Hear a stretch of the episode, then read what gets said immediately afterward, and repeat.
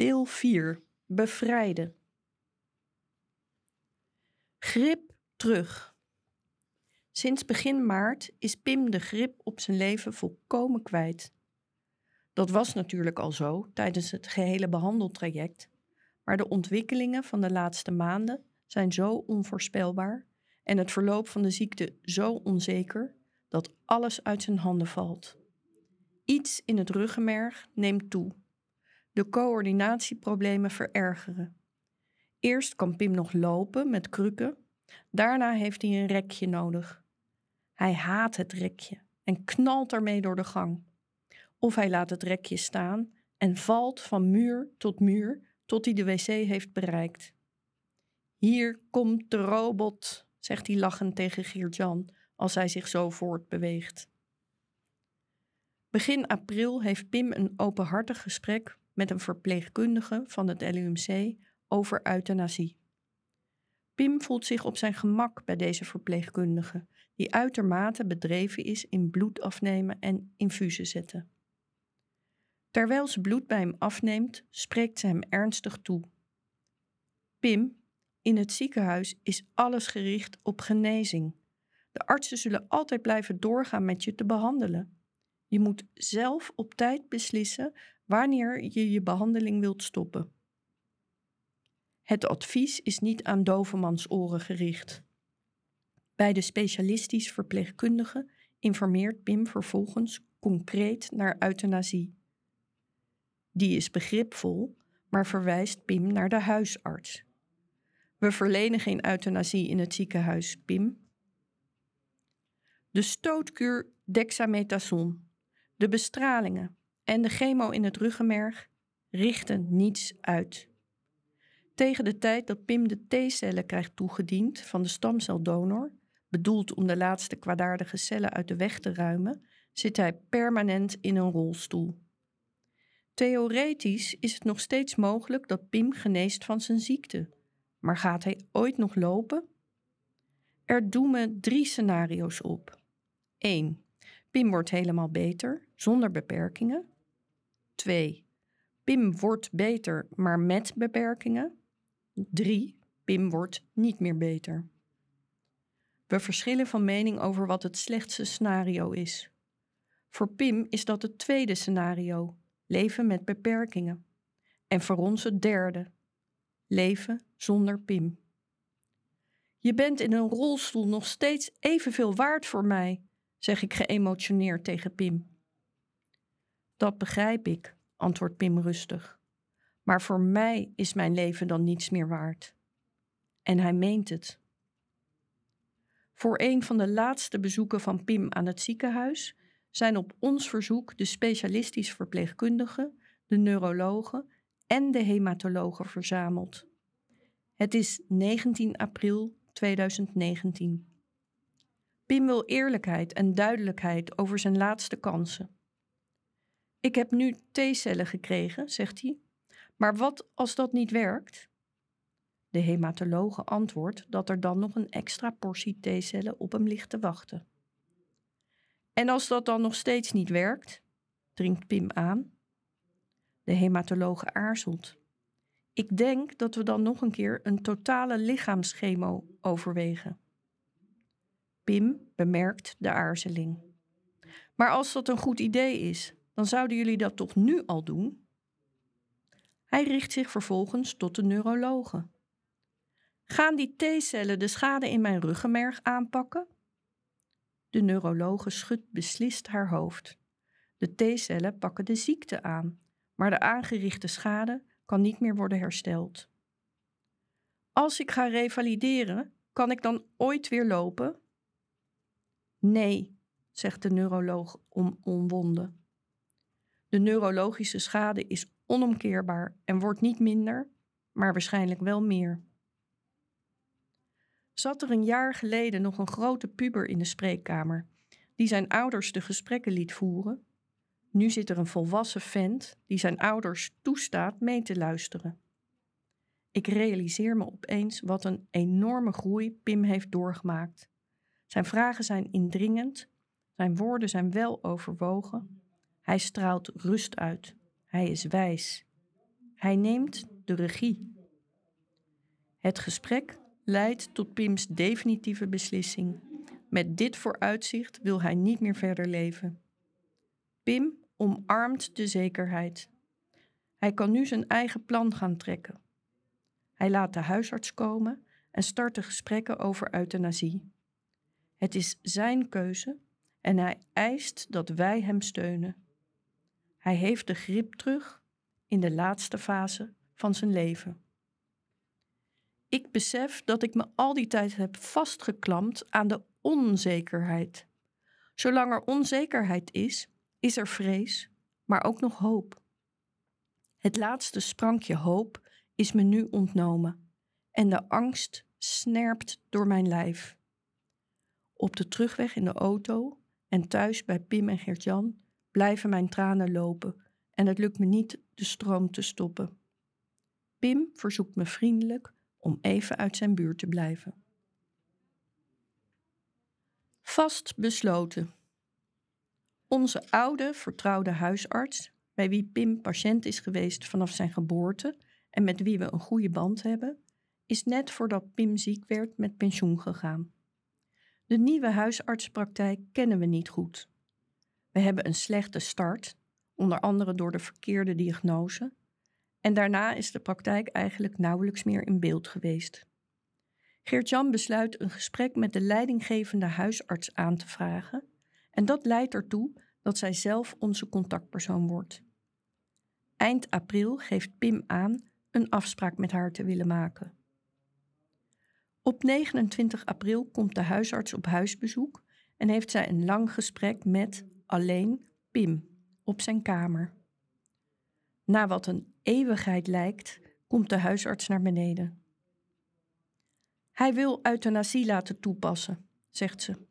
Hij is erg vastbesloten. Hij is natuurlijk al volwassen, maar ik wil ook weten hoe jullie daarin staan. Het bloed trekt weg uit mijn gezicht.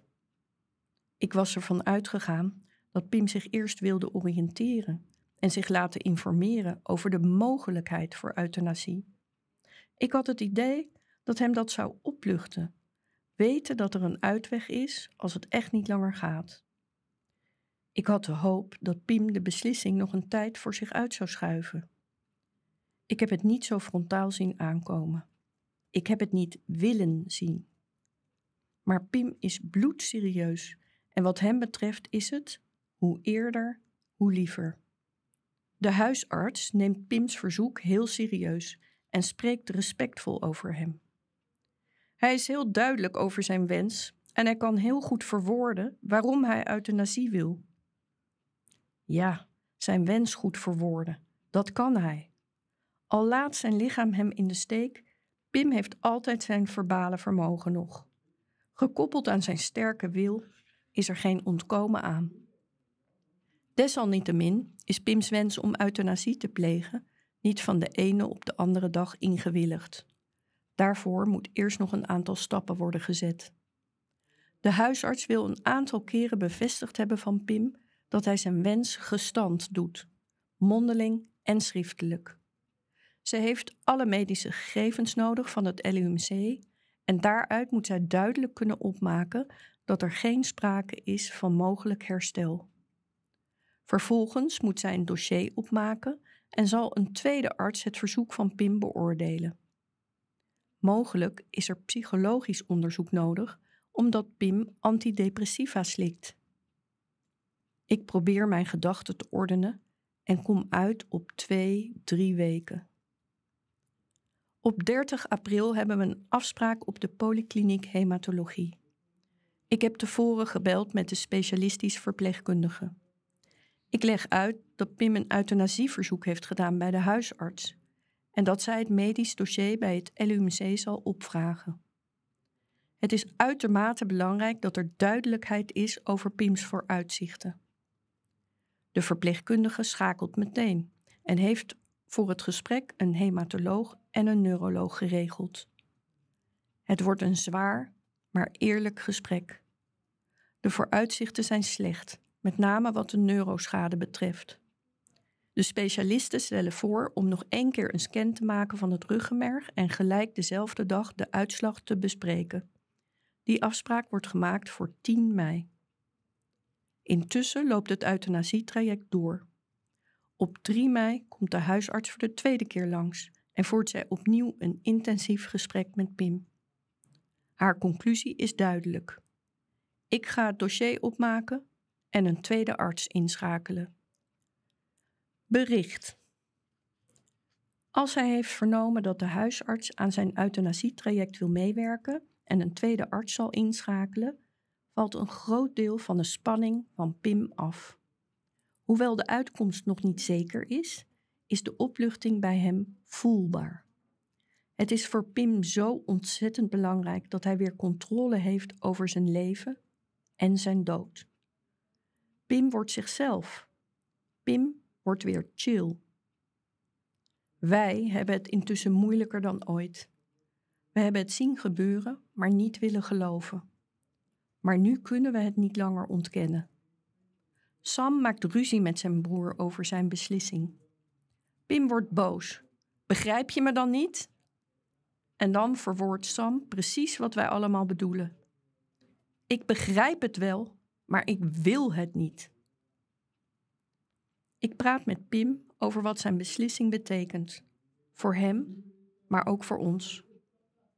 Ik snap het wel dat het moeilijk is om je kind te laten gaan, zegt Pim. Maar je wilt je kind toch ook niet eindeloos laten lijden? Ik vertel hem dat dat ook precies de reden is waarom ik zijn besluit kan volgen. Dat het mijn allerergste nachtmerrie is dat hij door de verder oprukkende verlamming alleen nog maar als een levend lijk op bed kan liggen. Dat ik hem dan liever nu op een waardige manier wil laten gaan. Maar dat hem loslaten het aller, aller, allermoeilijkste is wat ik ooit in mijn leven heb gedaan.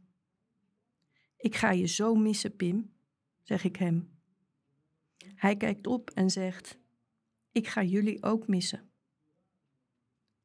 Dan vraag ik aan Pim of hij niet van een aantal mensen afscheid wil nemen. Van zijn familie, van zijn vrienden. Vele van hen heeft hij al heel lang niet meer gezien. Ik moet hem een beetje duwen. Hij ziet er tegenop. Het is voor hem makkelijker om in zijn bubbel te blijven. Maar hij snapt wel dat afscheid nemen belangrijk is. Hij gaat overstag en stuurt zijn familie, vrienden en kennissen een lang WhatsApp-bericht. Nog geen half uur later zitten de eerste vrienden op zijn doorzakbank. App van Pim aan familie en vrienden 3 mei 2019. Lieve vrienden, helaas is dit een heel negatief bericht, maar ik moet het jullie laten weten. Zoals jullie weten ben ik al lang aan het strijden tegen kanker. Eén jaar en twee maanden. Een strijd, maar zeker geen eerlijke strijd. Het is namelijk zo dat de kanker doet wat hij wil en ik kan alleen incasseren. Over incasseren gesproken, ik heb dit nu voor meer dan een jaar gedaan met de gedachte dat het na een lange tijd beter met me zou gaan en dat ik mijn leven weer zou kunnen oppakken. Helaas is het anders gegaan. De kanker is terug in mijn ruggenmerg en wil maar niet weggaan. Het resultaat? Alle twee mijn benen zijn permanent verlamd en ik heb een incontinente blaas. Dat is uiteraard een mokerslag, omdat ik nu eigenlijk slechter af ben dan toen ik begon met het traject. Sommige mensen kunnen verder leven in een rolstoel, maar ik doe dit nu een tijdje en kan zeggen dat het een hel is. Alle dingen die ik leuk vind, kan ik niet meer doen. En de kleinste dingen kosten tien keer zoveel moeite. Ik kies er daarom voor om aan deze lange lijdensweg een einde te maken door middel van euthanasie. Ik zou het zeker niet zo gewild hebben. Ik hield van mijn leven voor de diagnose maar met dit miserabele leven neem ik geen genoegen. Op dit moment wordt mijn verzoek tot euthanasie beoordeeld door een tweede arts en als die groen licht geeft, zou het in principe al in anderhalve week kunnen gebeuren. Ook al weet ik het oordeel nu nog niet, ik dacht het jullie beter nu al te laten weten, voor als je eventueel nog langs wilt komen. Lang bericht, ik weet het, maar wel nodig om te versturen. Veel liefs, Pim. Drukte. Het is een komen en gaan van familie, vrienden van Pim en ook vrienden van ons. Ik ben gestopt met werken om Geert-Jan bij te staan in de zorg voor Pim en om het bezoek te ontvangen. Pim heeft door de T-cellen die hij begin april kreeg, waarschijnlijk een lichte graft versus host opgelopen en wordt een beetje ziek. Hij heeft verhoging en diarree, maar geen haar op ons hoofd denkt erover om het ziekenhuis in te schakelen. De huisarts schrijft iets voor waarvan Pim helaas alleen maar misselijker wordt. Ons plan om hem de laatste weken te verwennen met de lekkerste hapjes valt daarmee in het water. Ik doe de deur open en ontvang de jonge gasten die daar staan en vaak een beetje nerveus zijn. Vooraf geef ik instructie, zoals afgesproken met Pim. Of ze zo gewoon mogelijk willen doen en het niet te zwaar willen maken. Liever niet boven huilen, maar beneden. Ik breng hen naar Pims kamer en geef hen iets te drinken. Daarna ga ik weg. Ik laat Pim en zijn vrienden onder elkaar, zoals dat in de normale situatie ook zou zijn. Vaak hoor ik als vanouds muziek en lachsalvo's uit zijn kamer komen. Pim vindt het fijn om te chillen en de tijd te doden met zijn vrienden. Pim bezit niet veel, maar het weinige wat hij heeft, geeft hij weg. Zijn dure patserhorloge, zijn sieraden, een boek, een shirt. Het tekent hem. Hij hecht weinig waarde aan bezit en hij is even gemakkelijk in staat om te geven als te nemen. Het geld wat hij nog op zijn bankrekening heeft staan, verdeelt hij onder ons vieren. Geert-Jan en ik zullen ons deel gebruiken voor zijn afscheid. Ik laat Pim ook alleen met familie. Deels omdat ik niet aan hun quality time met Pim wil komen, maar vooral omdat ik het niet aan kan om mensen die mij zo nabij zijn, van Pim afscheid te zien nemen. Ik wil niet onder ogen zien wat mij straks zelf te wachten staat. Nog steeds verzet iedere vezel in mijn lichaam zich tegen wat onherroepelijk gaat komen. Pim coördineert zelf het bezoek en is soms de coördinatie even kwijt. Dan zijn er tien man tegelijk of zitten er bonte gezelschappen van mensen op zijn kamer die elkaar nooit eerder hebben gezien. Het maakt niemand iets uit. Waar het iedereen om gaat, is om Pim te laten merken dat hij van betekenis is geweest, voor hen persoonlijk. Het afscheid nemen is voor iedereen heftig. Als ik mensen naar beneden hoor komen op de trap, sta ik klaar in de gang. Ik zie strakke, witte gezichten. Gasten die niet weten hoe ze zich een houding moeten geven. Mensen die zo snel mogelijk de deur uitlopen. Vrienden die druk en stoer doen. Vrienden die geen afscheid willen nemen en nog eens langskomen. En nog eens. Er zijn er ook bij die compleet breken en er vloeien heel wat tranen. En ook ik weet me soms geen houding te geven. Want wat zeg je bij de deur als je weet dat de eerstvolgende keer dat je elkaar ziet bij zijn afscheidsbijeenkomst zal zijn? Ik vraag Pim in een onbewaakt ogenblik of hij blij is dat hij iedereen heeft uitgenodigd om afscheid te nemen. Dat is hij zeker. Hij is onder de indruk van de aanloop en beseft dat hij niet is vergeten. Maar het valt hem ook zwaar. Zij hoeven maar één keer afscheid te nemen, maar ik moet per dag tien keer afscheid nemen. Verklaring. Tussen alle drukte door herinner ik Pim eraan dat hij na de gesprekken met de huisarts ook nog een verklaring op moet stellen. Pim kan heel helder redeneren en uitstekend schrijven. Een verklaring opstellen is voor hem een eitje.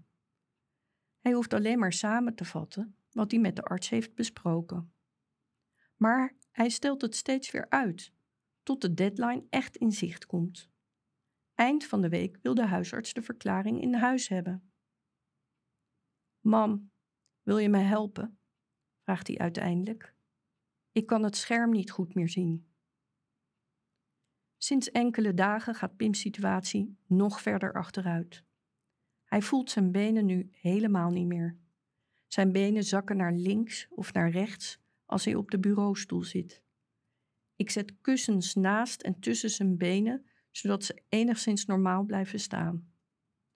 Hij heeft doorligwonden aan zijn hielen en om erger te voorkomen hebben we een anti-decubitus matras laten komen dat met een pomp werkt en continu ruist en zucht. Hij heeft zijn darmen niet meer goed onder controle, wat hem onzeker maakt in verband met het bezoek. Soms lijkt het alsof hij wat langzamer is in zijn reacties. En zijn zicht verslechtert. Het zijn allemaal gevolgen van de oprukkende schade in zijn ruggenmerg. Het scherm voor de PlayStation hebben we eerst dichter bij zijn bureau geschoven, maar nu heeft hij het opgegeven. Turend naar de laptop lukt het hem nog net om favoriete filmpjes en muziek te vinden. Ik zie dat zijn vrienden dicht naast hem zitten en voor Pim de zoekwoorden intypen. In zijn appjes verschijnen typfouten, iets waaraan hij normaal gesproken een gruwelijke hekel heeft. Ik wil je helpen, zeg ik, maar het is wel jouw verklaring. Ik schrijf alleen op wat jij zegt. Ik ga zitten op zijn doorzakbankje met mijn laptop op schoot, tegenover het bureau waaraan Pim zit. En dan volgt de moeilijkste tekst die ik ooit heb moeten schrijven. Pim staart over zijn uitgeklapte laptop heen en dicteert me.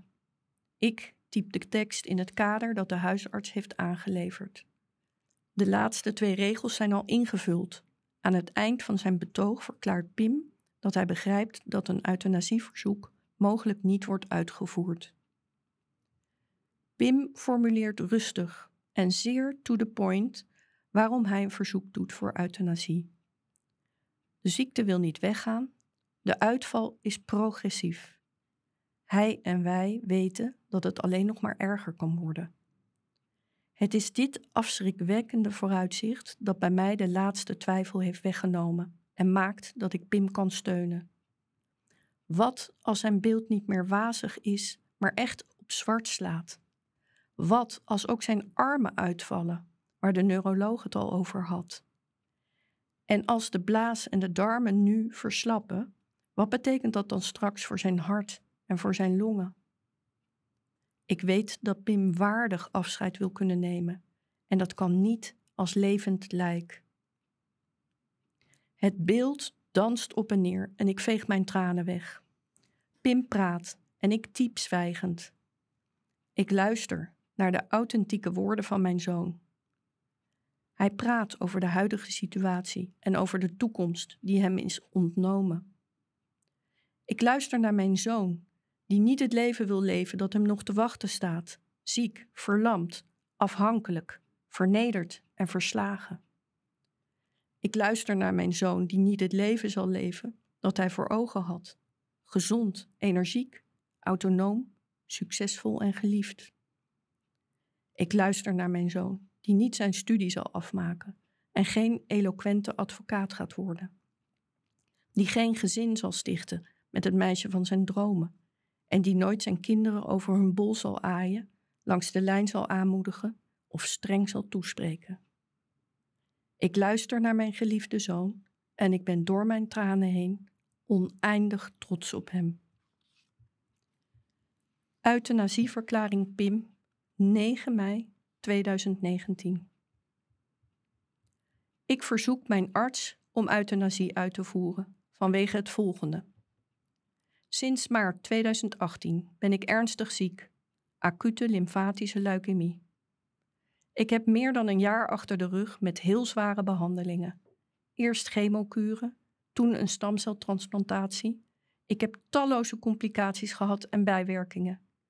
Ik heb dit alles met heel veel moeite en strijd ondergaan in de hoop dat ik ooit weer de oude zou worden. Op het moment dat men verbetering had verwacht, is het alleen maar slechter en slechter gegaan. Omdat de kanker niet wil verdwijnen uit mijn ruggenmerg en of door de behandeling, zijn er neurologische klachten bijgekomen, waardoor ik sinds begin maart 2019 in een rolstoel zit. De situatie lijkt elke week te verslechteren. Eerst kon ik nog strompelen, maar inmiddels zijn mijn benen twee lamme blokken. Ben ik incontinent, blaas, darmen en zie ik wazig. De neuroloog heeft aangegeven dat de situatie niet gaat verbeteren en dat ik nooit meer zal kunnen lopen. Daarnaast heb ik nog steeds klachten ten gevolge van de stamceltransplantatie. Ik ben voortdurend ziek en ik ben permanent kortademig en benauwd. Op deze manier wil ik niet verder leven. Nooit meer kunnen lopen. Nooit meer leuke dingen doen die ik eerst wel kon. Sporten, voetballen, uitgaan.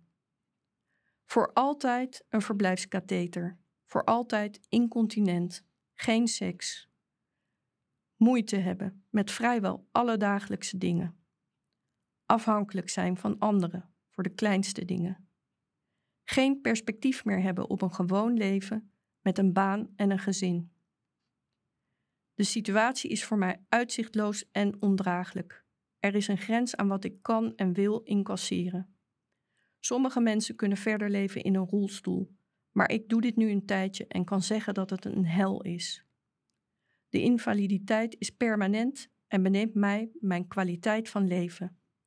Iedere ochtend als ik wakker word, word ik herinnerd aan alles wat ik niet meer kon en wat voor mij noodzakelijk is om een fijn leven te hebben. Ik kan me niet eens zelf aankleden of zelf naar de wc. Met dit miserabele leven neem ik geen genoegen. Ik besef dat het mogelijk is dat mijn euthanasieverzoek niet wordt uitgevoerd. Ook al heb ik een schriftelijk euthanasieverzoek opgesteld en heb ik dit verschillende keren met mijn arts besproken. Pim Mellink. Sterk.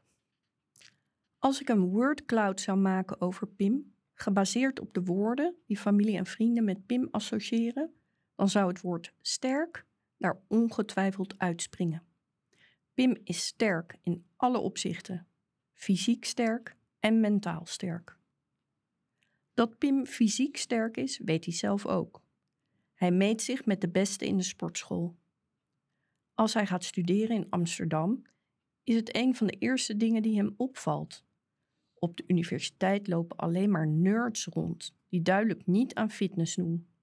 Hij snapt niet hoe meisjes belangstelling kunnen hebben voor die slungelige, slappe types. Pim heeft ook een sterk karakter.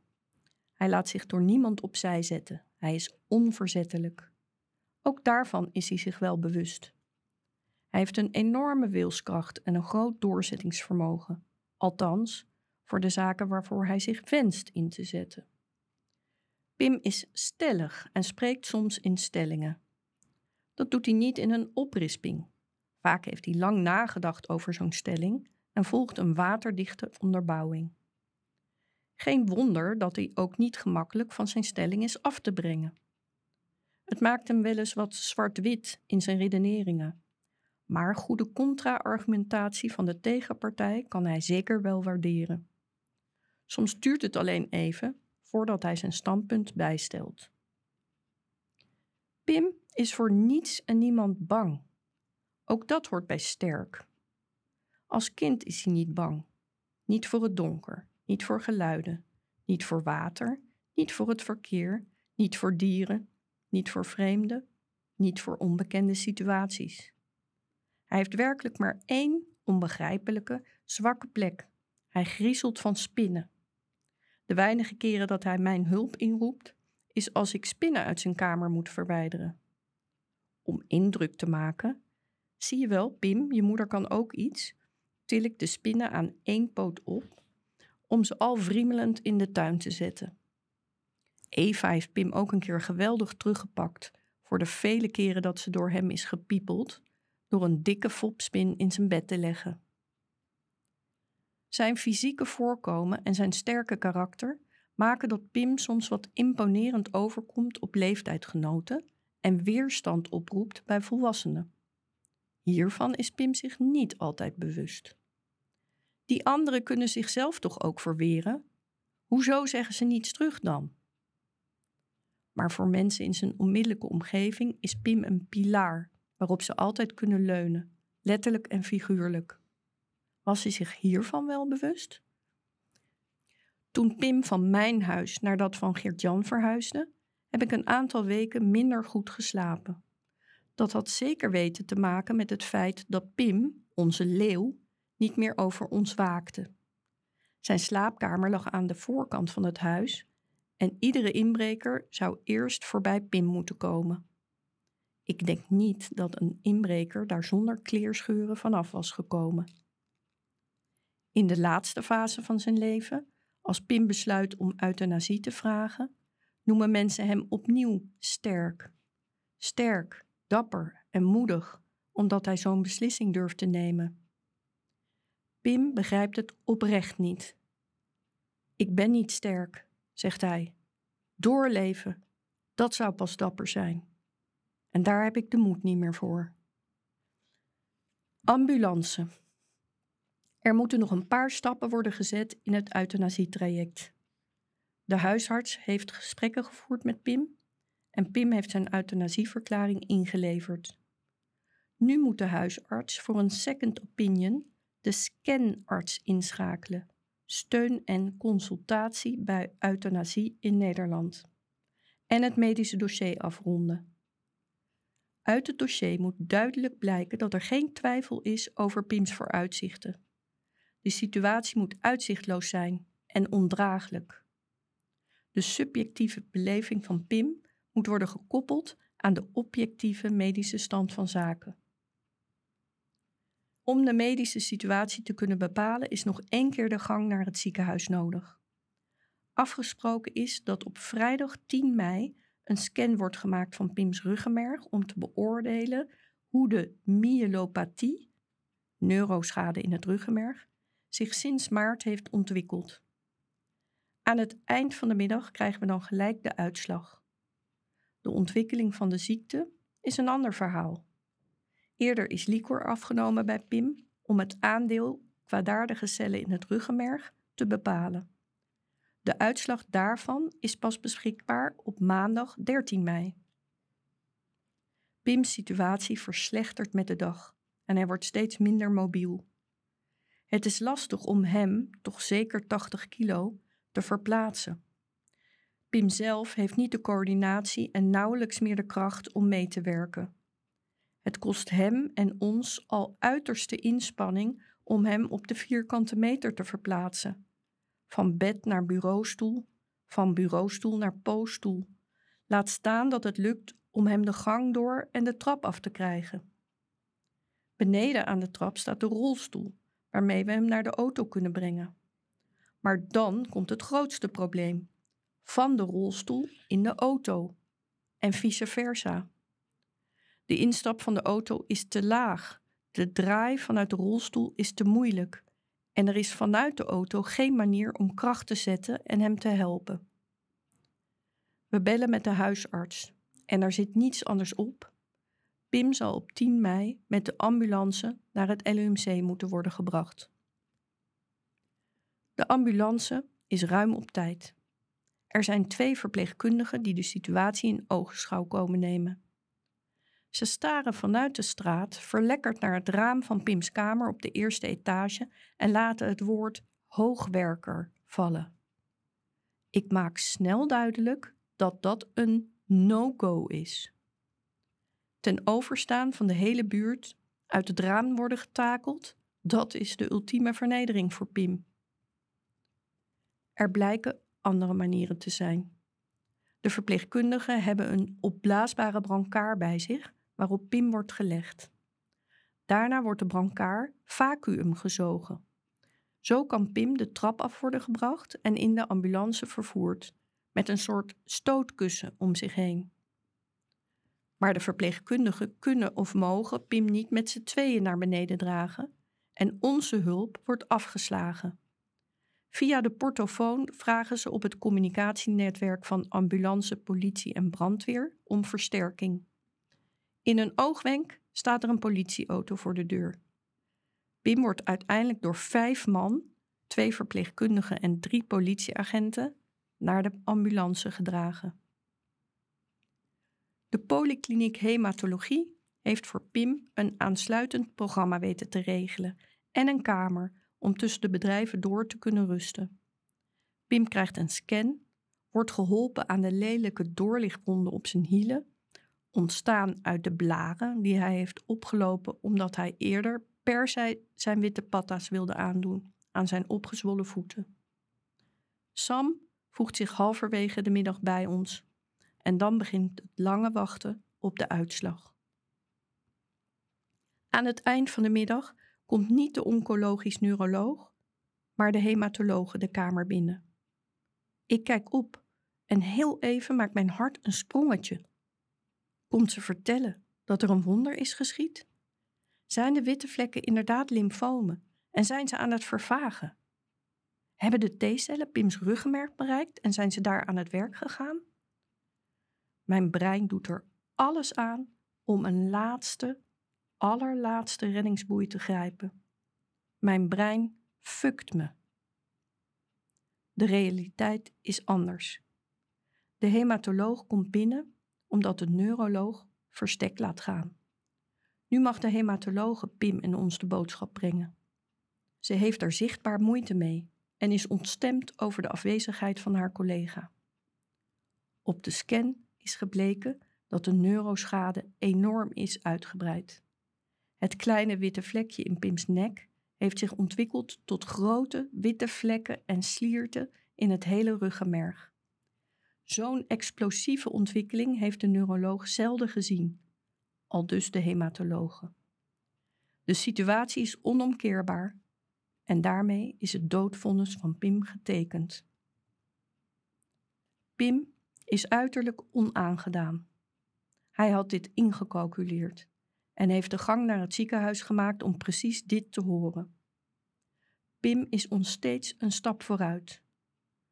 Geert-Jan, Sam en ik zijn toch weer aangeslagen, alsof we iets nieuws hebben gehoord, alsof we dit niet hadden verwacht. We hebben de dreun eigenlijk al lang gekregen. We zien hoe Pims toestand achteruit is gerold.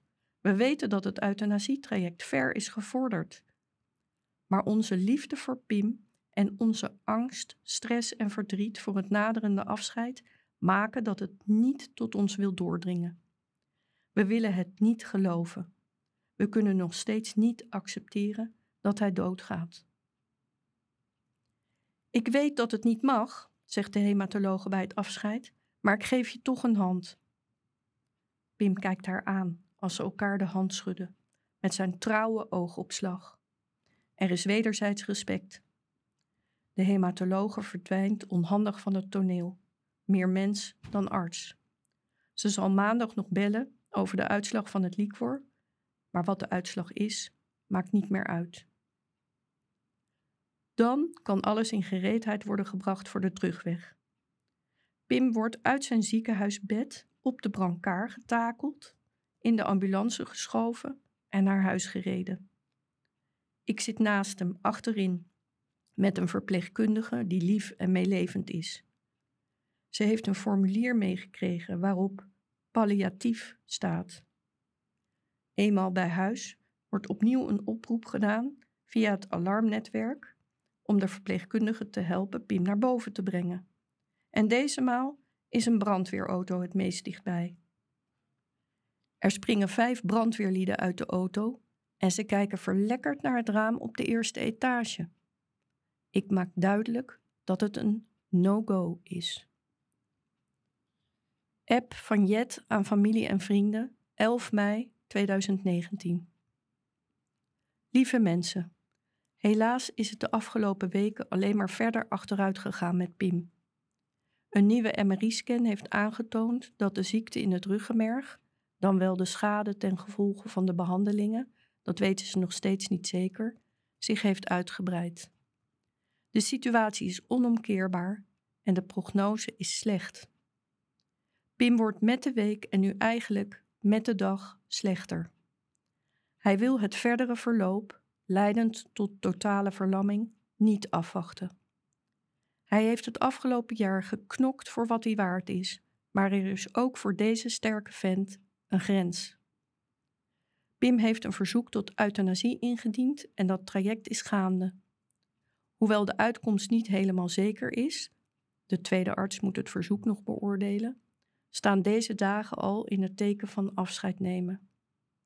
En hoewel met groot verdriet, respecteren wij zijn wens en steunen we hem in dit traject. Ik denk dat dit de laatste update is per WhatsApp. Willen jullie verder op de hoogte worden gehouden? Stuur dan alsjeblieft een mail met ook je adresgegevens. Liefs, Jet. Endgame.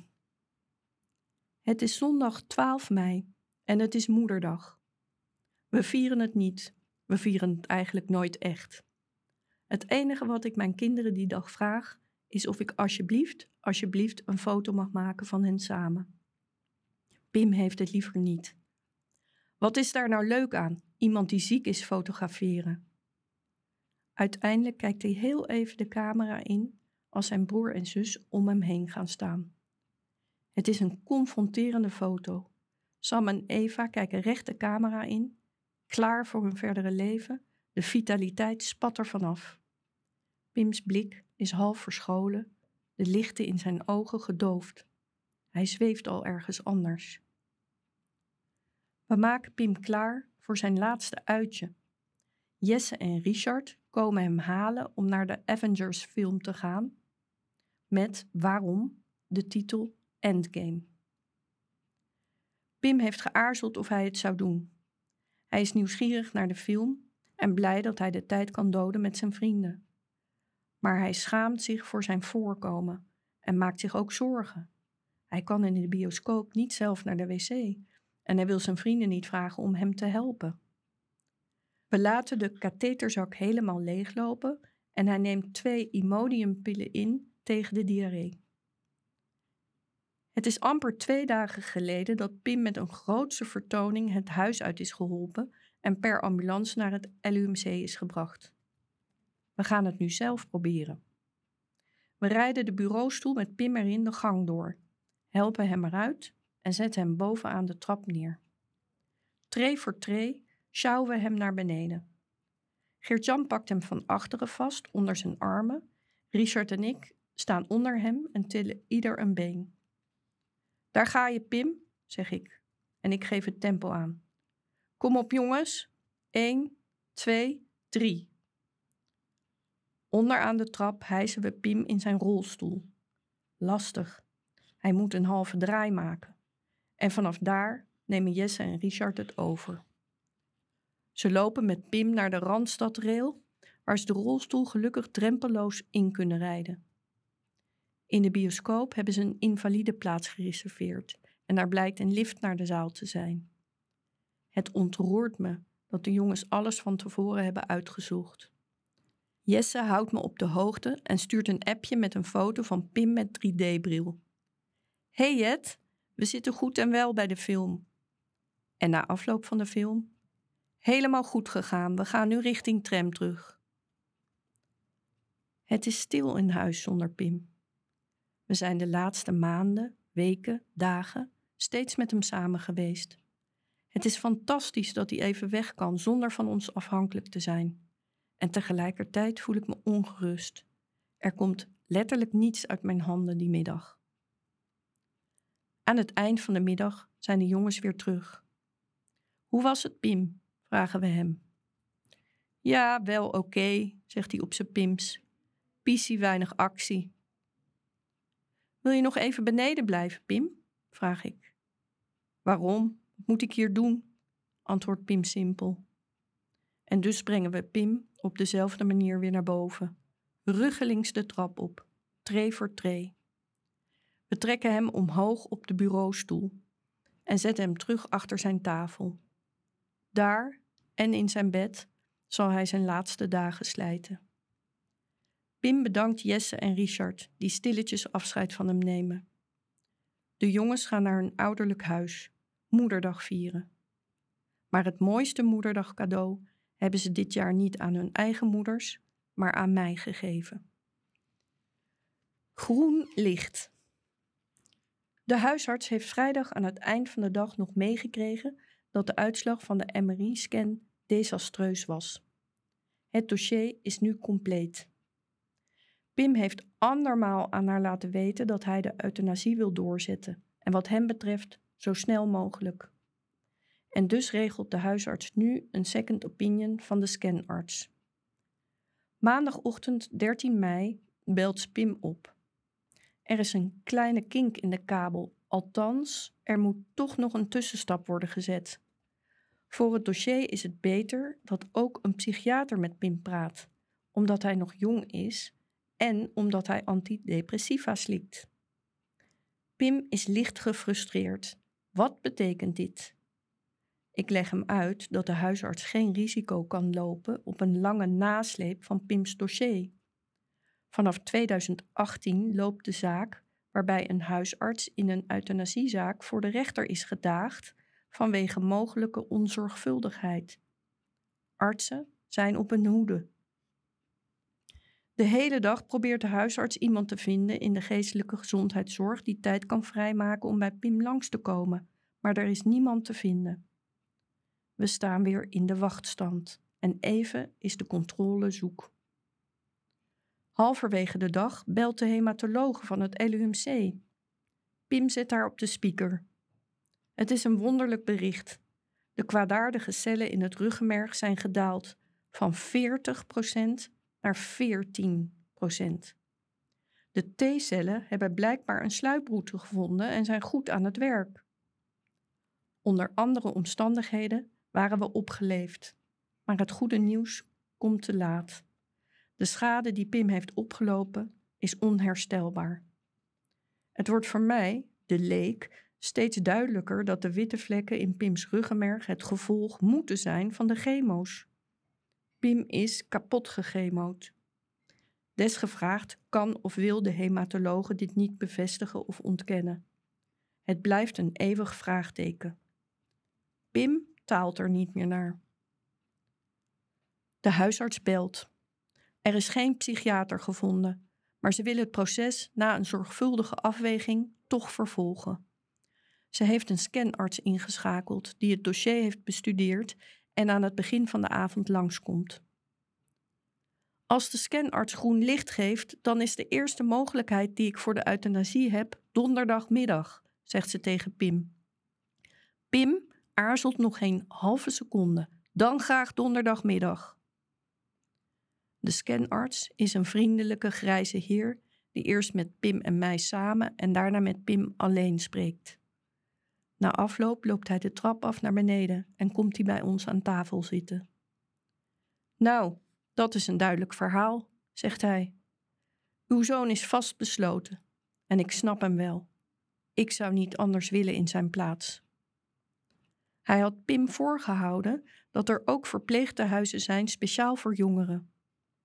Uw zoon wierp mij een meewarige blik toe. De psychiater hoeft er wat hem betreft niet aan te pas te komen. Uw zoon maakt op mij geen depressieve indruk. Hij heeft een weloverwogen keuze gemaakt.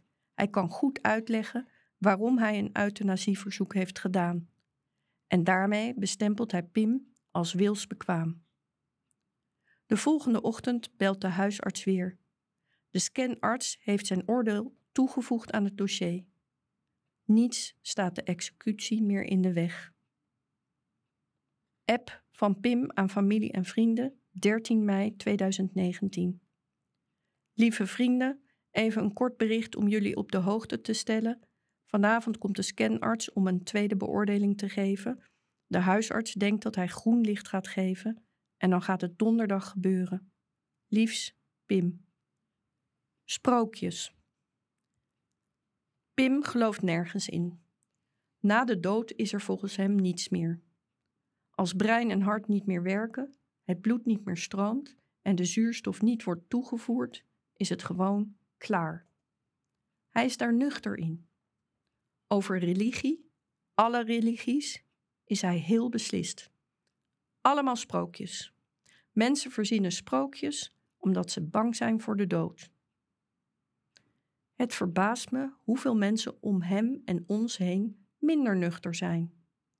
Weinig vrienden van Pim of ons staan te boek als gelovig. Bijna niemand gaat naar de kerk, leest de Bijbel of bidt. Maar het overgrote deel van dezelfde mensen denkt dat er wel iets is na de dood. Dat er iets blijft, ook al is het lichaam gestorven.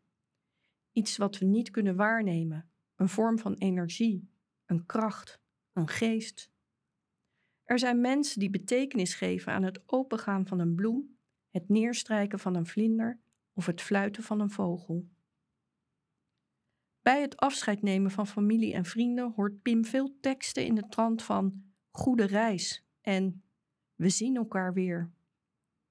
Van twee mensen krijgt Pim dringende boodschappen mee.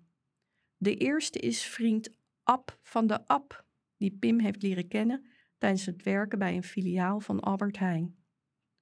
Ab is praktiserend moslim en is er heilig van overtuigd dat Pim zijn geloof nodig heeft. In Pims laatste weken komt hij opvallend vaak langs. Hij schenkt Pim een Koran. De tweede dringende boodschap komt van mijn tante, antroposofe en heiluritmiste.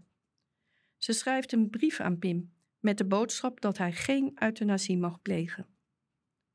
Het verhaal erachter is voor de ongelovigen niet te snappen, maar het komt erop neer dat Pim op reis gaat en dat het gevaar bestaat dat er niemand voor hem klaar staat aan de andere kant, omdat zijn eigenlijke tijd nog niet is gekomen. Pim oordeelt opvallend mild over de vlinders, energie, de Koran en het ongevraagde advies van mijn tante. Pim begrijpt dat mensen het beste met hem voor hebben. Hij ziet dat mensen troost zoeken en willen bieden. Het verschil tussen Pim en de diepgelovige, beetje gelovige of bijgelovige mensen is dat Pim geen angst kent, ook niet voor de dood. Dat neemt niet weg dat Pim troost zoekt voor zichzelf. Als hij dan ergens bang voor is, dan is het om vergeten te worden. Hij gebruikt het Engelse woord fading out. Hij gelooft wel dat hij voortleeft via ons. Zolang jullie aan me denken, ben ik er nog, verwoordt hij het doeltreffend. Het wordt zijn motto. Pas later, als mijn broer mij een passage van een boek laat lezen, begrijp ik dat Pim daarmee een universeel, menselijk en diep religieus thema aanraakt. Elk mens sterft tweemaal, al dus de Joodse schrijver Joshua Ossendrijver. De eerste keer fysiek, wanneer het hart en alle lichaamsfuncties stoppen. De tweede maal als hij of zij niet meer wordt herinnerd, nooit meer de naam wordt genoemd. Een mens is pas werkelijk overleden wanneer hij of zij is vergeten. Een collega geeft me de Disney-film Coco cadeau, die over hetzelfde thema gaat. De Mexicaanse viering van de Dia de los Muertos, die bedoeld is om de herinneringen aan de doden levend te houden. Pim is zich niet goed bewust van de onuitwisbare indruk die hij achterlaat bij iedereen om zich heen. Door zijn lot, de wijze waarop hij dat draagt en zijn moedige beslissing om zijn lijden en leven te beëindigen, maar vooral ook door zijn sterke en unieke persoonlijkheid. Ik houd hem voor hoe Sam en Eva hun kinderen later vertellen over oom Pim. Ik vertel hem hoe zijn vrienden hem in gedachten meenemen bij iedere volgende stap op weg naar volwassenheid. Ik schets hoe we hem zullen herinneren bij iedere familiegelegenheid. Ik probeer hem uit te leggen dat hij altijd bij mij zal wonen, in mijn hoofd en in mijn hart. Het is een van de vragen die mij blijven kwellen, of ik hem er werkelijk van heb kunnen overtuigen dat we hem niet vergeten en altijd aan hem blijven denken. De voorlaatste dag vraag ik Pim of hij echt niet bang is. Hij aarzelt. Hij is een klein beetje nerveus, maar ik begrijp zijn nervositeit verkeerd. Ik ben bang dat de euthanasie niet goed lukt en dat ik dan toch weer wakker word. Verraad. Hoewel we nu al een aantal weken weten dat Pim er straks niet meer is, kunnen we onszelf er maar niet toe zetten om na te denken over wat en hoe daarna. Pim is daarin weinig behulpzaam. Ik heb Pim vaak gevraagd naar zijn wensen. Begraven of cremeren? Is het oké als hij wordt bijgezet in het familiegraf? Wat voor afscheid wil hij hebben? Hij weigert categorisch om over de gebeurtenissen na zijn dood na te denken en kapt mijn vragen af met: Het maakt me niet uit wat jullie gaan doen. Zijn er dingen die je zou willen zeggen, Pim? Vraag ik in een onbewaakt ogenblik. Iets dat ik namens jou aan je vrienden en familie kan zeggen. Aanvankelijk is het nee. Maar beetje bij beetje komt er toch wat los. De gruwelijke hekel die hij heeft gekregen aan het woord kanker, waarmee de Haagse taal doorspekt is. Als hij ook maar een kleine bijdrage kan leveren aan het uitbannen daarvan. Met liefde spreekt hij over zijn vrienden. Hij hoopt dat ze niet te veel vuilniszakken, hun tijd verdoen met niks. Hij hoopt dat ze hun toekomst omarmen, dat ze beseffen hoe mooi het leven is. Als ze toch eens wisten hoe hij heeft gepopeld om zijn leven weer op te pakken. En hij komt terug op zijn motto: Zolang jullie aan mij denken, ben ik er nog. Er zullen heel veel praktische zaken moeten worden geregeld en in mijn hoofd maak ik lijstjes. Ik zie een grote bijeenkomst vormen waarbij we waardig en respectvol afscheid nemen van Pim. Het moet een Pim-waardig afscheid worden dat niet snel wordt vergeten. In gedachten vraag ik familie en vrienden van Pim om iets te zeggen en om zijn kist te dragen. Pims motto en Eve's tekening van Superbro moeten een rol spelen. Het voelt verkeerd om zaken in gang te zetten terwijl Pim nog leeft, maar het is onafwendbaar. Geert-Jan heeft aangegeven Pim liever niet opgebaard te hebben in zijn huis. Hij wil Pim in leven herinneren en niet als lijk. Dat betekent dat we in actie moeten komen. Een vriendin raadt mij een begrafenisondernemer aan, Ilona. En uiteindelijk op woensdagmiddag 15 mei, een dag voor Pims overlijden, bel ik haar op. Ik hoor mezelf praten dat mijn zoon morgen euthanasie krijgt en dat we zijn afscheid willen regelen. Het is absurd. Zeg ik dit? En op het moment dat ik het zeg, wordt het werkelijkheid. Het lijkt alsof ik profetische woorden uitspreek en mijn zoon veroordeel tot de dood. De begrafenisondernemer komt meteen om de meest noodzakelijke dingen met ons te bespreken. We houden het kort, de rest volgt later. Op woensdagmiddag bespreken we beneden in de woonkamer wat er donderdagmiddag moet gebeuren, terwijl Pim boven op zijn kamer zit. Het voelt als verraad, maar mijn verstand zegt dat het beter is zo. Voetbal. Het is woensdagavond 15 mei en we zijn met z'n vijven. Er komt vanavond geen bezoek meer. We kijken voetbal op Pims kamer.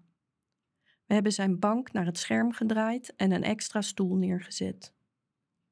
Het is de laatste dag van de voetbalcompetitie. ADO wint met 6-2 van Willem II. De Nederlandse competitie wordt iets later uitgespeeld vanwege de goede verrichtingen van Ajax in Europa. Helaas is Ajax een week daarvoor uitgeschakeld in de halve finale van de Champions League. Maar de club wordt op 15 mei nog wel kampioen van Nederland. Ik heb Pim één keer aan het twijfelen gebracht over de datum van zijn euthanasie. Wat nu als Ajax de finale van de Champions League zou halen? Zou je het dan willen volhouden tot 1 juni? Het is helaas een overbodige vraag als Ajax op 30 april in een thriller verliest van de Spurs. Voetbal is Pims grote liefde. Voetbal is noodzaak om te doen en om te volgen. Als broer Sam lid wordt van voetbalclub HBS, wil Pim ook. Het eerste jaar dat hij op voetbal zit, is geen groot succes.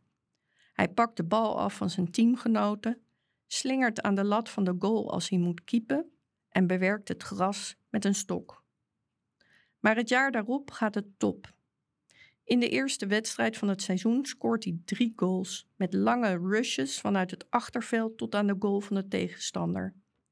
In één seizoen promoveert hij van de F8 via de F2 naar de F1 en wordt hij kampioen met zijn team.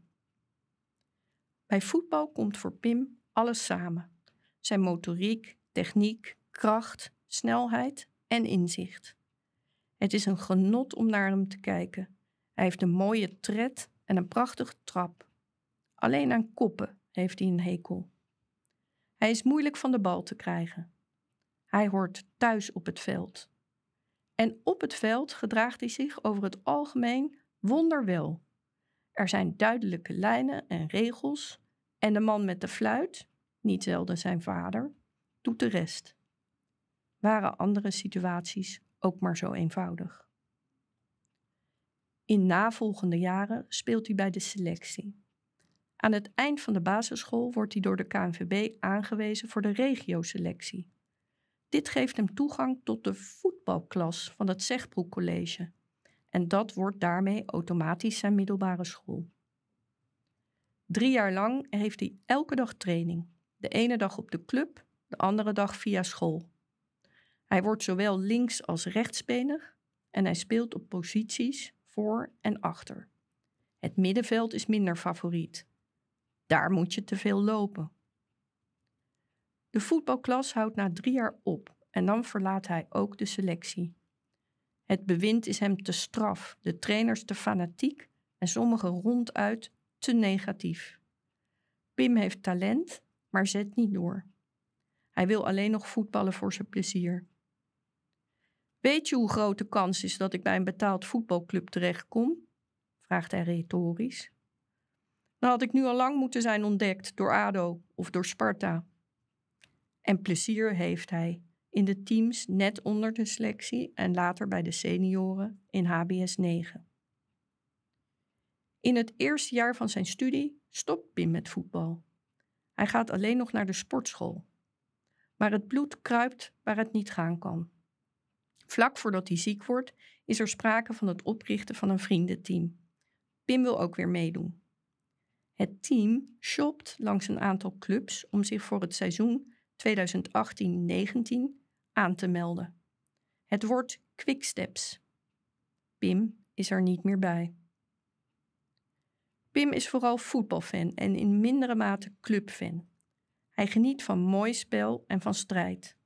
Er moet eerlijke competitie zijn, anders is het niet oké. Aanvankelijk is hij Ajax en ook altijd een beetje ADO-fan.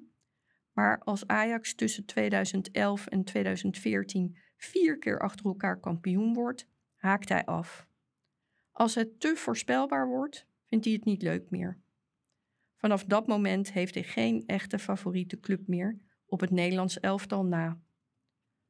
Toch is hij trots als Ajax het in het voetbaljaar 2018-19 schopt tot de halve finales van de Champions League. Het is 15 mei 2019 en het voetbaljaar is afgesloten. We kijken met z'n vijven onwezenlijk naar de tv, naar het voetbal en de daaropvolgende studiopraat. Het lijkt een avond zoals er zoveel zijn. Maar het is de laatste avond met Pim. Zijn linkerhand is in verband gewikkeld. Onder het verband zit het infuus dat een verpleegkundige vanmiddag heeft ingebracht en dat de huisarts morgen zal gebruiken. Het is al laat in de avond en we zitten nog steeds met z'n vijven op Pims kamer. Pim wil naar bed.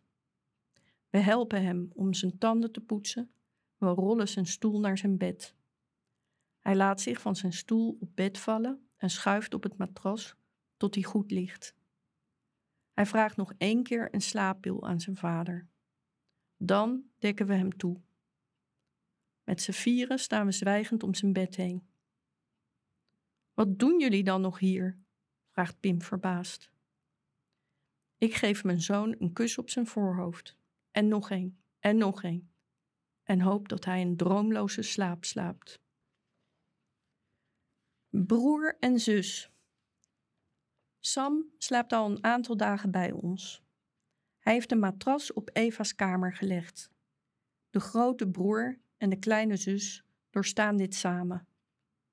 Zowel Eva als Sam zijn de laatste dagen thuisgebleven. Er is begrip van school en werk. Ochtends is er geen haast. Pim slaapt riant uit. Ik ga meestal aan het eind van de ochtend naar Geert-Jan. Sam en Eva volgen later. Smiddags en s avonds leven we met z'n allen in Geert-Jans huis. We hangen bij Pim op de kamer. We doen een boodschapje. Geert-Jan kookt. We eten samen. Althans, wij vieren. Pim eet liever alleen boven, voor zover hij nog iets kan binnenhouden.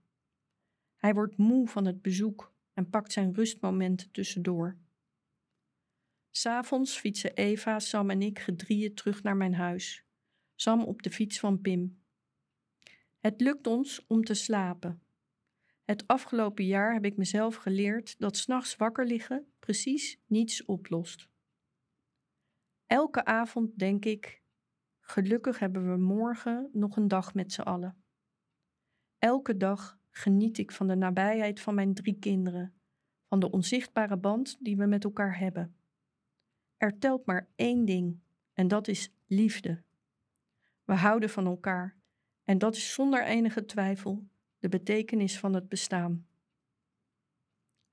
Voor Sam is Pim zijn kleine broer, voor Eva is Pim haar grote broer. Al vanaf de eerste chemokuur zie ik dat Sam zich over Pim wil ontfermen. Kijk nou, mam, zegt hij, als hij met tranen in zijn ogen bij zijn slapende broer aan het ziekenhuisbed staat. Alle onmin tussen de broers lijkt verdwenen. Oudzeer is vergeten. Sam heeft zich lang verantwoordelijk gevoeld voor Pim, inclusief zijn misstappen en uitspattingen. Op het schoolplein, op de voetbalclub en op de camping is hij maar al te vaak op het gedrag van zijn broertje aangesproken. Daar heb ik mijn diplomatie vandaan, zegt hij daar zelf over. Als pubers scheiden hun wegen, ieder een andere middelbare school, ieder een andere vriendenkring. De jongens nemen meer afstand van elkaar, maar kunnen nog steeds behoorlijk botsen. Na zijn middelbare schooltijd gaat Sam, enigszins opgelucht, op kamers en neutraliseert hun relatie. Nu worstelt Sam ermee dat ze in hun puberteit uit elkaar zijn gegroeid en dat ze in die tijd zoveel ruzie hebben gemaakt. Hij vindt het jammer dat hij en Pim elkaars vriendenkring niet kennen en zo weinig samen hebben ondernomen. Sam is er het hele jaar voor Pim. Hij laat merken dat hij aan Pim denkt en leeft met hem mee. Ik zie de verschillen tussen mijn jongens, maar ook veel overeenkomsten. Hun directheid, spitsvondigheid, snelheid, sportiviteit, nuchterheid, verbale vermogen. Hun drang naar doe maar gewoon en naar echtheid. Hun gave om mensen te doorzien en een hard oordeel te vellen. Echt of nep. Het zijn broers, ze zijn samen opgegroeid en hebben op elkaar geoefend en dat heeft een functie. En het belangrijkste blijft over, ze houden van elkaar. Voor Eva is Pim een grote broer. Van al haar vier, ook twee bij haar vader, broers, heeft ze de meeste tijd met Pim doorgebracht. Tot een jaar voordat Pim ziek wordt, hebben Eva en Pim in één huis gewoond. Pim is voor Eva meer dan alleen een broer. Hij heeft voor haar gezorgd, haar wekelijks uit school opgehaald, zodat ze niet nog een dag naar de naschoolse opvang hoefde, en veel op haar gepast. Tegen Pim heb ik wel eens gezegd dat Eva er voor hem is gekomen. Hij is dol op zijn kleine zusje en laat bij haar zijn zachte kant zien. In haar buurt is hij altijd rustig en geduldig. Als Pim ziek wordt, zit Eva in de brugklas. In hoog tempo wordt ze groot. Ze leert zelf met de trein naar Leiden te komen als Pim in het LUMC ligt. Ze neemt haar huiswerk mee en werkt stilletjes aan Pims bed. Ze moet soms boodschappen doen en koken. Ze fietst zelf naar de trainingen van tennis en hockey. Ze regelt dat ze kan meerijden naar de wedstrijden. Ze pakt zelf haar tas in als ze weer eens uit logeren gaat, omdat ik in het ziekenhuis bij Pim blijf. Ze is niet meer alleen het kleine zusje. Nu is het Pim voor wie gezorgd moet worden. Ze is zich ervan bewust dat haar aanwezigheid Pim troost biedt en probeert er veel te zijn. Tegelijkertijd wordt ze puber, iets wat Pim een beetje betreurt, en leeft ze meer in haar eigen wereld. Tijdens het jaar van zijn ziekte gaat veel van mijn aandacht uit naar Pim. Maar ik wil ook Sam en Eva in de gaten houden. Hoe zijn zij eronder? Redden ze het? Ze doen het ongelooflijk goed. Eva rondt de gemengde brugklas af en mag op basis van haar resultaten in september 2018 naar het VWO. Sam studeert af in november 2018. Pim is er helaas niet bij en begint per 1 april 2019 met zijn eerste echte baan. We praten veel over wat er gebeurt. Ik houd hen direct op de hoogte van iedere ontwikkeling. Stap voor stap maken ook zij het hele proces mee. Met Pim bespreken we wie hij op zijn laatste dag bij zich wil hebben. Gewoon, mijn gezin, zegt hij eenvoudig. Ik bespreek met Sam en Eva of ze dat zelf ook willen. Hun broer zien sterven. Zal dat niet hun andere herinneringen aan Pim overschaduwen? Willen ze daar echt bij zijn? Vooral over mijn introverte Eva maak ik me zorgen. Komen er geen beelden op haar netvlies die haar voor altijd achtervolgen? Ik spreek met Pim af dat Eva zich tot het laatste moment nog mag bedenken. Mijn broer en schoonzus zullen beneden in de woonkamer zitten om haar op te vangen als zij het niet trekt. Maar er is geen sprake van dat broer en zus er niet bij zijn. Ze zijn allebei vastbesloten Pim te steunen, ook bij zijn laatste stap.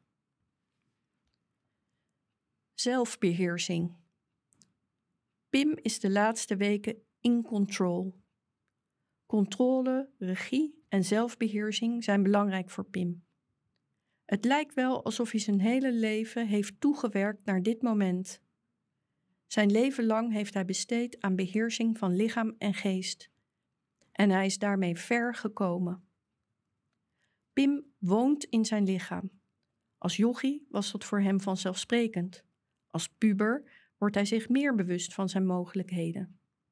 Vanaf dat moment cultiveert hij zijn lichaam. Hij doet aan sport, fitness, krachttraining. Hij gaat naar de zonnebank en frequenteert de kapper. Hij staat lang voor de spiegel om zijn haar te doen. Hij vraagt dure parfum voor zijn verjaardag. De fysieke training is de easy part. Maar ook mentaal en sociaal heeft Pim zichzelf getraind. Hij heeft zichzelf de discipline opgelegd om het VWO af te maken en te gaan studeren. Hij heeft doelen gesteld en is vast van plan die doelen te behalen. Hij heeft zijn driftaanvallen en impulsieve acties onder controle gekregen en is rustiger geworden. Hij is zich verantwoordelijk gaan voelen voor zijn eigen handelen en is zich bewust geworden van de invloed van zijn gedrag op anderen. Dit was voor Pim het moeilijke deel en hiervoor heeft hij moeite moeten doen. Als moeder heb ik veel met hem te stellen gehad. Er was veel begrip en geduld nodig om Pim op te voeden. En om eerlijk te zijn, dat begrip en geduld kon ik niet altijd opbrengen. We hebben vele confrontaties gehad in de lange puberale fase die leidde tot Pims volwassenheid. Maar we hebben elkaar nooit losgelaten en ik ben ook nooit bang geweest dat het mis zou gaan met Pim. Pim is ieder jaar een stapje verder gekomen. Vlak voor Pim ziek wordt, is hij eindelijk af. Als moeder voel ik dat mijn werk is gedaan. Er zijn misschien alleen nog een paar randjes om te polijsten. Ik merk het aan kleine dingen. De snelheid waarmee hij een berichtje beantwoordt. De bos bloemen die op mijn tafel staat als ik jarig ben. En de vuile vaat die in de vaatwasser is ingeruimd als hij op zijn zusje heeft gepast. Ben nu pas thuis, heb ik Pim. Even lekker aan het slapen. Had jij zo netjes opgeruimd, Pim? Thanks. Pim appt. Ja, had Eve haar huiswerk laten maken en de verantwoordelijke grote broer gespeeld. Niet veel later eet hij mee als ik een aantal vrienden over de vloer heb. Vond je het leuk? vraag ik hem. Jawel hoor, is het antwoord. Ik probeerde zo aardig mogelijk tegen iedereen te zijn. Volgens mij is dat wel gelukt. Pim is compleet geworden. Een voltooid leven zal mijn oudste zus het later noemen. Hij beheerst lichaam en geest. En deze ultieme vorm van zelfbeheersing komt hem van pas in zijn laatste dagen. Hij accepteert zijn lot, is de rust zelf en houdt de touwtjes stevig in handen. Ben je dan nooit boos, Pim, om hoe het is gelopen? vraag ik hem. Pim kijkt me een beetje meewarig aan. Wat heeft dat nou voor zin, mam? antwoordt hij mij. En op wie moet ik boos worden dan? Dag jongens. En dan breekt de laatste dag aan. Nu kan ik niet meer denken, morgen is er nog een dag. Ik sta op met een loodzwaar gevoel en fiets naar het huis van Geert-Jan en Pim. Voor mijn doen ben ik er al vrij vroeg. Groot is mijn verbazing als Geert-Jan zegt dat Pim al wakker is. Ik loop naar Pims kamer en doe de deur open. Pim zit in zijn bureaustoel aan zijn tafel, achter de laptop. Mag ik bij je komen zitten? vraag ik hem. Ik heb de dringende behoefte iedere minuut, nee, iedere seconde, in de nabijheid van mijn zoon door te brengen. Pim knikt. Ik wel mijn oortjes nog even in, zegt hij. Ik geef hem een kus op zijn hoofd. Ik houd zoveel van je, Goos, zeg ik. Weet je wel hoe erg ik je ga missen? Hij knikt nog een keer en zegt met een zucht: Ik weet het, mam. Ik schuif een stoel dicht bij het bureau. Ben je er klaar voor, lieverd? vraag ik. Je weet wat de huisarts heeft gezegd. Als je het wilt uitstellen, dan kan dat tot het laatste moment. Pim antwoordt rustig: Nee, ik ben er klaar voor. Mijn held. Hij is en blijft zo ongelooflijk stoer. Wat moet er in hem omgaan? Maar zijn rust werkt aanstekelijk en kalmeert ook mijn zenuwen. Een uurtje later arriveren Sam en Eva. Ze komen ook bij Pim op de kamer zitten, lopen in en uit de kamer met koffie of een boterham, scrollen doelloos op hun telefoon. Pim wil niets eten. Hij pakt alleen een glas chocomel. Geert-Jan stommelt beneden rond. Tussendoor pakken ze ieder hun moment om Pim te zeggen hoeveel ze van hem houden. Eva zit in Pims boekenkast tussen zijn stapels te neuzen en vist er een klassenfoto uit van de middelbare school. Pim is nog een snoezig jongetje. Waarschijnlijk is het de brugklas. Pim, jij zat toen toch in de klas met Stijn? vraagt ze. Welke jongen is Stijn dan? Pim kijkt even opzij en zegt dan achterloos: Dat kan ik niet meer zien. Eva schrikt. Hij heeft haar niet verteld hoe hard zijn zicht achteruit is gegaan. We zitten zij aan zij, naast elkaar, en Pim vraagt of ik een paar nummers voor hem wil opzoeken. Hij dicteert en ik typ. Soms moet hij letter voor letter spellen van mij onbekende artiesten. Hij trekt zijn oortjes uit de laptop en laat ons meeluisteren. Op zijn telefoon ontvangt hij laatste berichten van familie en vrienden die hem willen laten weten dat ze aan hem denken. En dan opeens draait hij zich naar me toe en vraagt, totaal onverwacht: Wat gaan jullie eigenlijk doen met mijn begrafenis? Mijn adem stokt een paar seconden in mijn keel. Begrafenis? We hebben gisteren met de begrafenisondernemer afgesproken dat Pim wordt gecremeerd. Mijn hersenen draaien op volle toeren. Dat kunnen we vast nog wel terugdraaien. Natuurlijk gaan we Pims laatste wens respecteren. Pim heeft het er alleen steeds niet over willen hebben en vond dat we het zelf maar moesten uitzoeken. Wil je worden begraven, Pim? vraag ik. Ik dacht dat het je niet uitmaakte, begraven of cremeren. Nee, dat bedoel ik niet, zegt hij. Ik bedoel, wat gaan jullie doen voor mijn afscheid? Ik realiseer me pas op dat moment dat Pim nog nooit een crematie, begrafenis of afscheidsbijeenkomst heeft bijgewoond. Zijn eigen afscheid wordt zijn eerste en zijn laatste. Hij heeft er geen enkel beeld bij. We gaan een heel grote bijeenkomst organiseren, schets ik hem. Iedereen die je gekend heeft en die ons heeft gesteund, komt daar samen. Dan ga ik een aantal vrienden van je vragen om iets over je te vertellen. En dat gaan we zelf ook doen. Ik ga in ieder geval vertellen hoe waanzinnig trots ik op je ben. Tussen de verhalen doordraaien we muziek en na afloop gaan we bier drinken en op je proosten.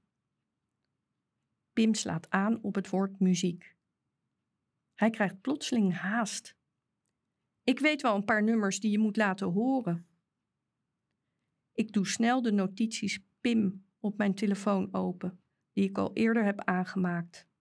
Het is een lijst van accounts, verzekeringen, abonnementen, PIM-achtige wachtwoorden, wocht, drut, koe, kaas, appelsap en andere shit die we moeten opheffen als Pim er niet meer is. Ik begin driftig te typen. Het wordt een lange lijst van nummers. Ik ben zo blij dat Pim nog iets bij zijn afscheid wil laten weten via zijn muziek. Tekst en muziek betekenen heel veel voor hem. Bijna alle nummers die hij heeft gekozen, zo merk ik later, hebben ook een speciale betekenis. En terwijl we nummers luisteren en noteren, gaat dan toch nog plotseling de bel. Geert-Jan doet open en we horen de stem van de huisarts beneden. De huisarts heeft, zoals aangekondigd, ook een assistente meegenomen. Ze komen beschroomd Pim's kamer binnen, hun gezichten strak. Wat moet het ook voor een arts een enorme opgave zijn om dit te doen? Een einde maken aan het leven van een jonge vent die nog zo bij is, maar tegelijkertijd ook zo zwaar beschadigd. We hebben het over praktische zaken eigenlijk niet gehad, maar de arts geeft aan dat Pim beter op bed kan komen liggen. Pim zal eerst een slaapmiddel krijgen dat zijn spieren doet verslappen, en dan kan hij beter niet in een stoel zitten. We rijden Pims bureaustoel naar het bed en helpen hem erop, voor de laatste keer. Pim schuift met zijn bovenlichaam tot hij goed ligt. De lamme blokken van benen volgen traag. Ik klim met Eva op het matras aan zijn linkerkant. Sam en Gert-Jan zitten op stoelen aan zijn rechterkant. Ik streel zijn hoofd, zijn zachte haar. Eva pakt zijn linkerhand, voorzichtig, de hand waar het infuus is ingebracht. Sam grijpt met beide handen Pims rechterhand. De arts ziet onze hopeloze toestand. Willen jullie nog even alleen zijn? vraagt ze. We geven aan dat dat niet hoeft. Uitstel van executie heeft geen zin meer. Pim, ik ga je nog een keer vragen of je daadwerkelijk wilt dat ik euthanasie toepas, zegt de huisarts. Ja, zegt Pim definitief. De arts haalt de medicijnen uit de tas die zij in zijn infuus zal spuiten. Ik heb je uitgelegd wat er gaat gebeuren, Pim, zegt de huisarts. Pim knikt. Je krijgt een slaapmiddel en daarna de medicatie die je hart laat stoppen. Maar eerst. De huisarts slaat plotseling een andere toon aan en kijkt Pim recht aan. Wil ik je nog zeggen wat een dapper besluit je hebt genomen? Daar heb ik echt bewondering voor. Pim knikt opnieuw. Hij is blij met het respect. Dank u wel, zegt hij. De handen van de arts trillen. Ze brengt de spuit met slaapmiddel naar het infuus en vergeet in eerste instantie het dopje eraf te halen. Maar dan loopt het slaapmiddel binnen. Ik weet niet hoe snel het middel gaat werken en voel opeens een lichte paniek. Pim moet weten dat we bij hem zijn en dat hij altijd bij ons zal blijven. Hij moet weten hoeveel we van hem houden en dat we hem nooit vergeten. Hij heeft zijn ogen al dicht. Namens ons allemaal zeg ik gehaast: Pim, we houden heel veel van je. Ik blijf zijn haar strelen, ik pak zijn schouder. Hij begint dieper adem te halen. Het middel begint te werken. Is hij er nog? Hij is er nog. Met een uiterste krachtinspanning zegt hij opeens, de ogen steeds gesloten: Love you. En in een zucht: Dag jongens. Als Pim diep in slaap is, pakt de huisarts de tweede spuit. In eerste instantie ademt Pim nog zwaar, daarna nauwelijks hoorbaar. Ten slotte ligt hij helemaal stil. Heel kalm en waardig glijdt hij weg. Pim is niet langer bij ons.